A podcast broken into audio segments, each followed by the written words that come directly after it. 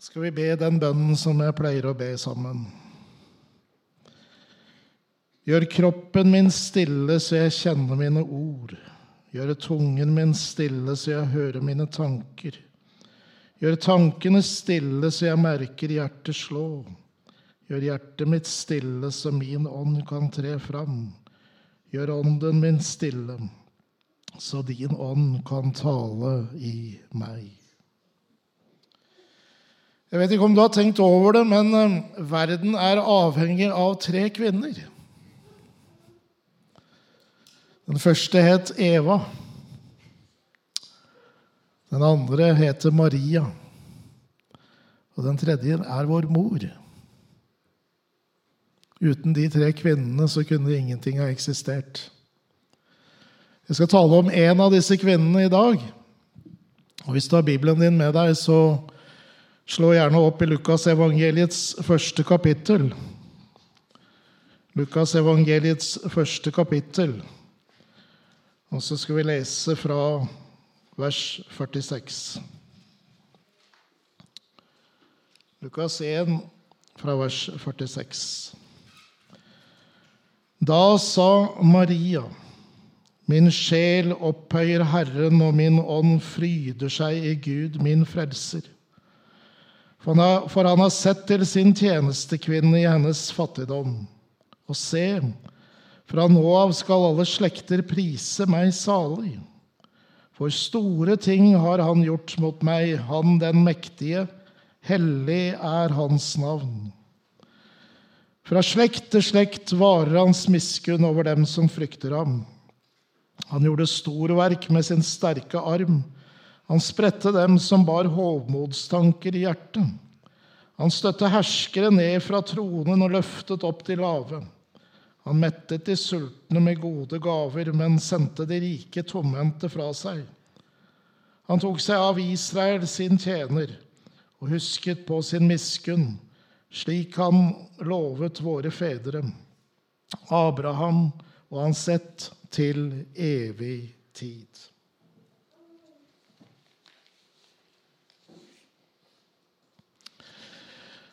Om bare vi protestanter kunne legge av oss vårt angstbiterske forhold til Maria, vår Herres mor, ville vi oppdage hvor profetisk denne kvinnen er. Det ser vi ikke minst i Magnificat, Marias lovsang. Da vil vi oppdage et sterkt profetisk budskap og se hvor stor relevans Marias lovsang har for vår egen tid. Den er full av radikal politisk radikalitet. Nesten så vi ikke tør å lese teksten og ta den på ramme alvor. Maria, fylt av randen av Den hellige ånd, synes å være den i sin samtid som best hadde forstått meningen med Kristi komme. Så hadde hun da også hatt besøk av Herrens budbringer, erkeengel Gabriel, og bar etter hvert Gud under kjolelivet. Marias lovsang har disse utfordrende sykdomsdagene jeg nå opplever, på en spesiell måte kommet meg veldig nær. Men la meg først si litt om rammeverket. Det er tydelig at Maria, denne unge jødiske tenåringsjenta, kjente Guds ord. Ikke minst salmene. Hun kjente dem sikkert fra den jødiske tidebønnstradisjonen. Helt siden eksilet i Babylon hadde jødene bedt salmene til ulike tider på dagen. Men Marias lovsang minner også om en annen jødisk kvinnes inderlige bønn, nemlig Hannas fra første Mosebok 2. Når du kommer hjem og finner Bibelen din fram, så må du gjerne lese 1. Samuel kapittel 2 om Hannas lovsang og sammenligne den med Marias. Men Marias lovsang er unik fordi den er født av Gud. Gabriels løfte til henne var Den hellige ånd skal komme over deg, og den høyestes kraft skal overskygge deg. Snakk om å gjøre seg en djup erfaring av Den hellige ånd. Dette skjer altså med ung jødisk tenåringsjente som Gud har valgt ut. Hvorfor akkurat henne? Det har ikke vi noe godt svar på, men la meg foreslå et mulig svar. Jeg tror svaret ligger i dette utsagnet fra hennes egen munn. Se, jeg er Herrens tjenerinne. Det skjer meg etter ditt ord. Dette ordet her er veldig dyrebart for meg, fordi dette ordet var det min første åndelige far, en gammel pinsehøvding ved navn Ole Petter Bekkelund, stadig vendte tilbake til i våre samtaler. Maria ble utvalgt fordi hun var villig til å gå Guds vei, koste hva det koste vil. Hun er på ingen måte stor i seg sjøl. Hennes djupeste lengsel var å være en tjener. Pinsevennen, min åndelige far, hadde lært mye av Maria. Han var blitt så glad i henne. Hva Maria kan lære oss? Jo, det hele handler om etterfølgelse og Den hellige ånds suverene handling i våre liv. Maria lærer oss at når vi har med Den hellige ånd å gjøre, må, vi være forberedt på det uventede. Det kommer stadig noen plutselig i en kristens liv. Fordi vi har med Den hellige ånd å gjøre. Og Maria lovpriser med hele seg. Min sjel, sier hun, opphøyer Herren, og min ånd fryder seg i Gud, min frelser. I Bibels forstand så er sjelen personlighetens sentrum. Og sammen med vår ånd utgjør sjelen vårt indre liv. I enkelte av salmene i Salmenes bok så brukes ordet 'min ære'. Har du lagt, lagt merke til det? 'Min ære', står det. Det brukes om sjelen vår. Og det sier ikke så rent lite. Det hebraiske ordet for sjel, nefesh, kan oversettes med bl.a. pust. Og betegner livspusten eller livsånden, det som holder mennesket oppe. Så Maria lovpriser med hele livet sitt, hele sin personlighet, med alt hva hun er, og med alt hva hun representerer. Ingenting er unnlatt. Jesus svarer fariseeren som spør seg om hva som er det største i loven, med å sitere 5. Mosebok 6,5. Du skal elske Herren din Gud av hele ditt hjerte og av hele din sjel og av all din makt. Og det er det Maria gjør. Hun elsker Gud med hele sitt hjerte, hele sin sjel og av all sin makt eller forstand, som enkelte oversetter det med. Med all tydelighet så viser dette at Maria er tvers igjennom jødisk. Sjelen hennes opphøyer Gud. Ånden hennes fryder seg. Bare en med jødisk bakgrunn kan ordlegge seg slik. Sjel og ånd og kropp er i hebraisk tenkning uløselig knyttet sammen med et hele. Maria er opptatt av at Herren skal opphøyes. En engelsk oversettelse oversetter dette slik Mitt hjerte strømmer over av lovprisning. Dette minner meg sterkt om ordene fra Salme 45. Mitt hjerte strømmer over av livlig tale. Jeg sier min sang er om en konge. Du er den fagreste av alle menneskenes barn. Nåde er utgitt på dine lepper. Derfor har Gud velsignet deg for evig. Opphøye i betydningen gjøre stor, hellige Herrens navn. Men Maria gjør mer. Hun fryder seg i Gud. Jesus har vist at det finnes en fryd i Den hellige ånd. I Lukas 10, 21 så står det i samme stund fryder han seg i Den hellige ånd.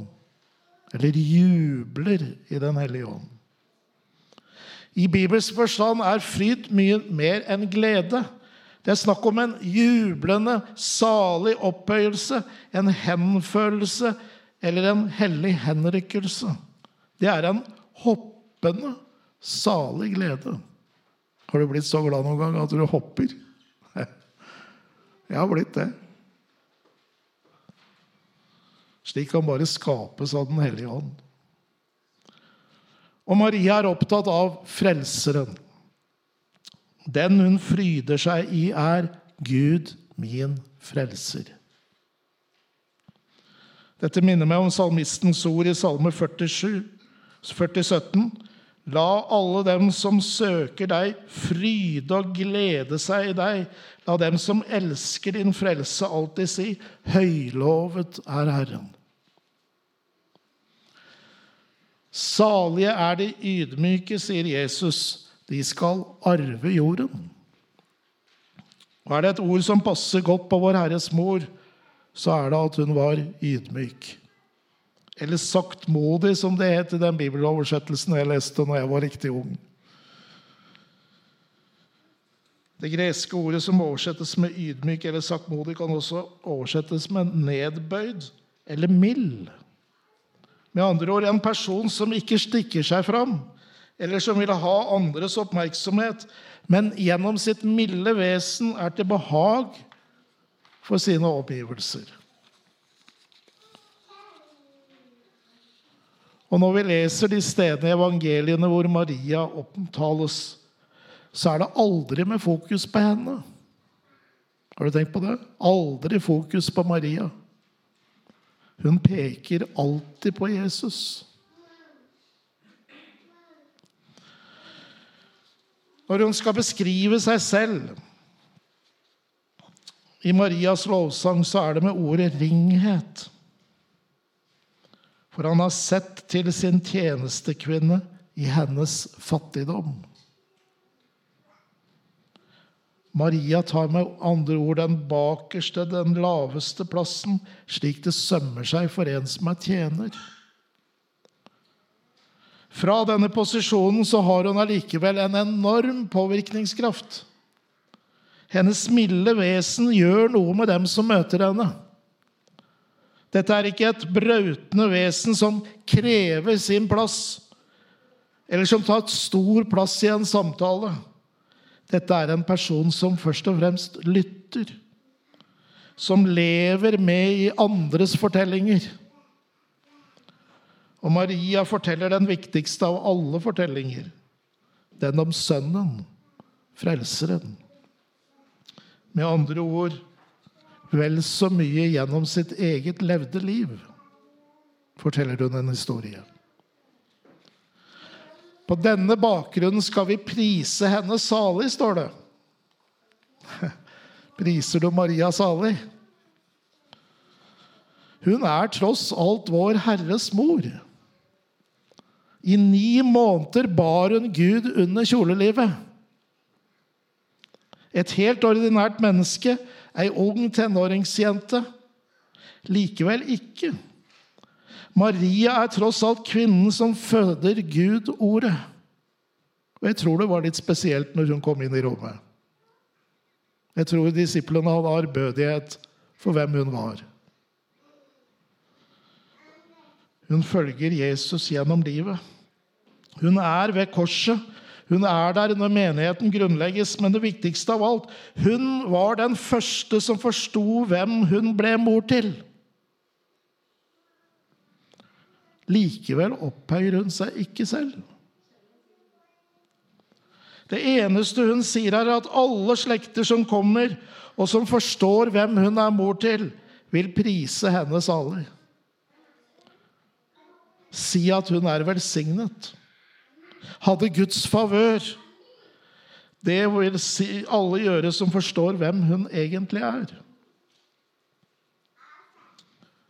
Men det er vel umulig for oss å sette oss inn i de overveldende følelsene Maria må ha hatt når hun fikk vite at hun skulle bli mor til Guds sønn. Tenk dere ei ung jødisk jente, ugift, som får englebesøk. Jeg besøk til og med av en erkeengel, den av en, den høyeste rang blant himmelens herskarer. Hvilken ære det må ha vært. Og samtidig så uforståelig. I samfunnets og samtidens øyne så var denne jenta her absolutt ingenting. Ikke var hun rik. Ikke kom hun fra noen viden kjent familie. Og stedet hun bodde på, var slettes ikke noe fornemt sted. Hun var bare én i folkevrimlen. Og så får hun denne utrolige beskjeden at hun skal blitt mor til Guds sønn. Prøv å forestille deg når hun skal prøve å fortelle sin forlovede at hun skal bli med barn uten at han har vært i nærheten av henne. Prøv å forestille seg hvordan det er å komme hjem til mor og far og fortelle at jeg, gravid, jeg skal bli gravid, men jeg har ingen mann. Men slik er Guds utvelgelse.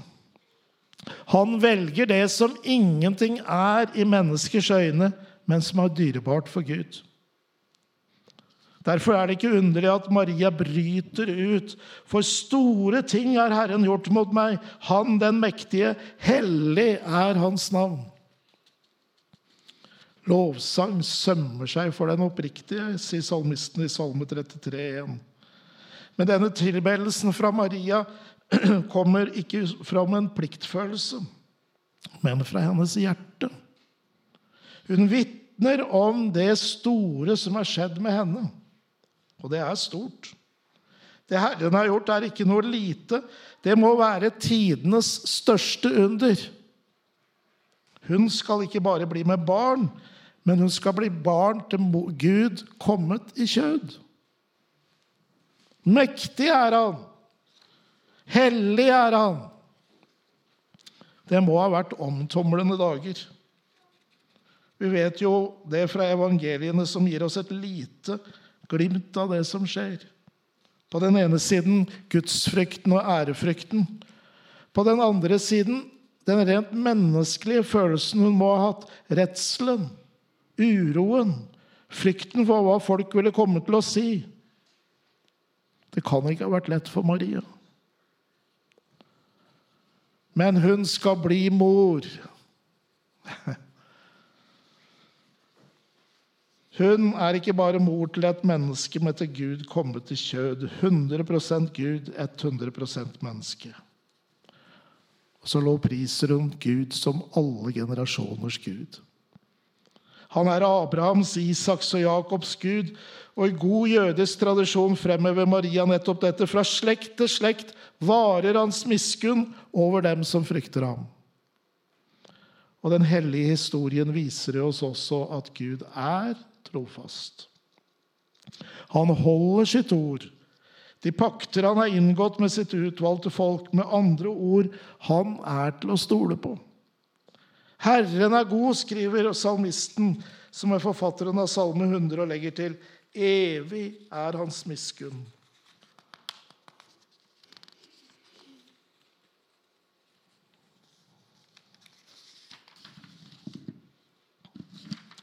Evig er hans miskunn. Trofasthet, hans trofasthet varer fra slekt til slekt.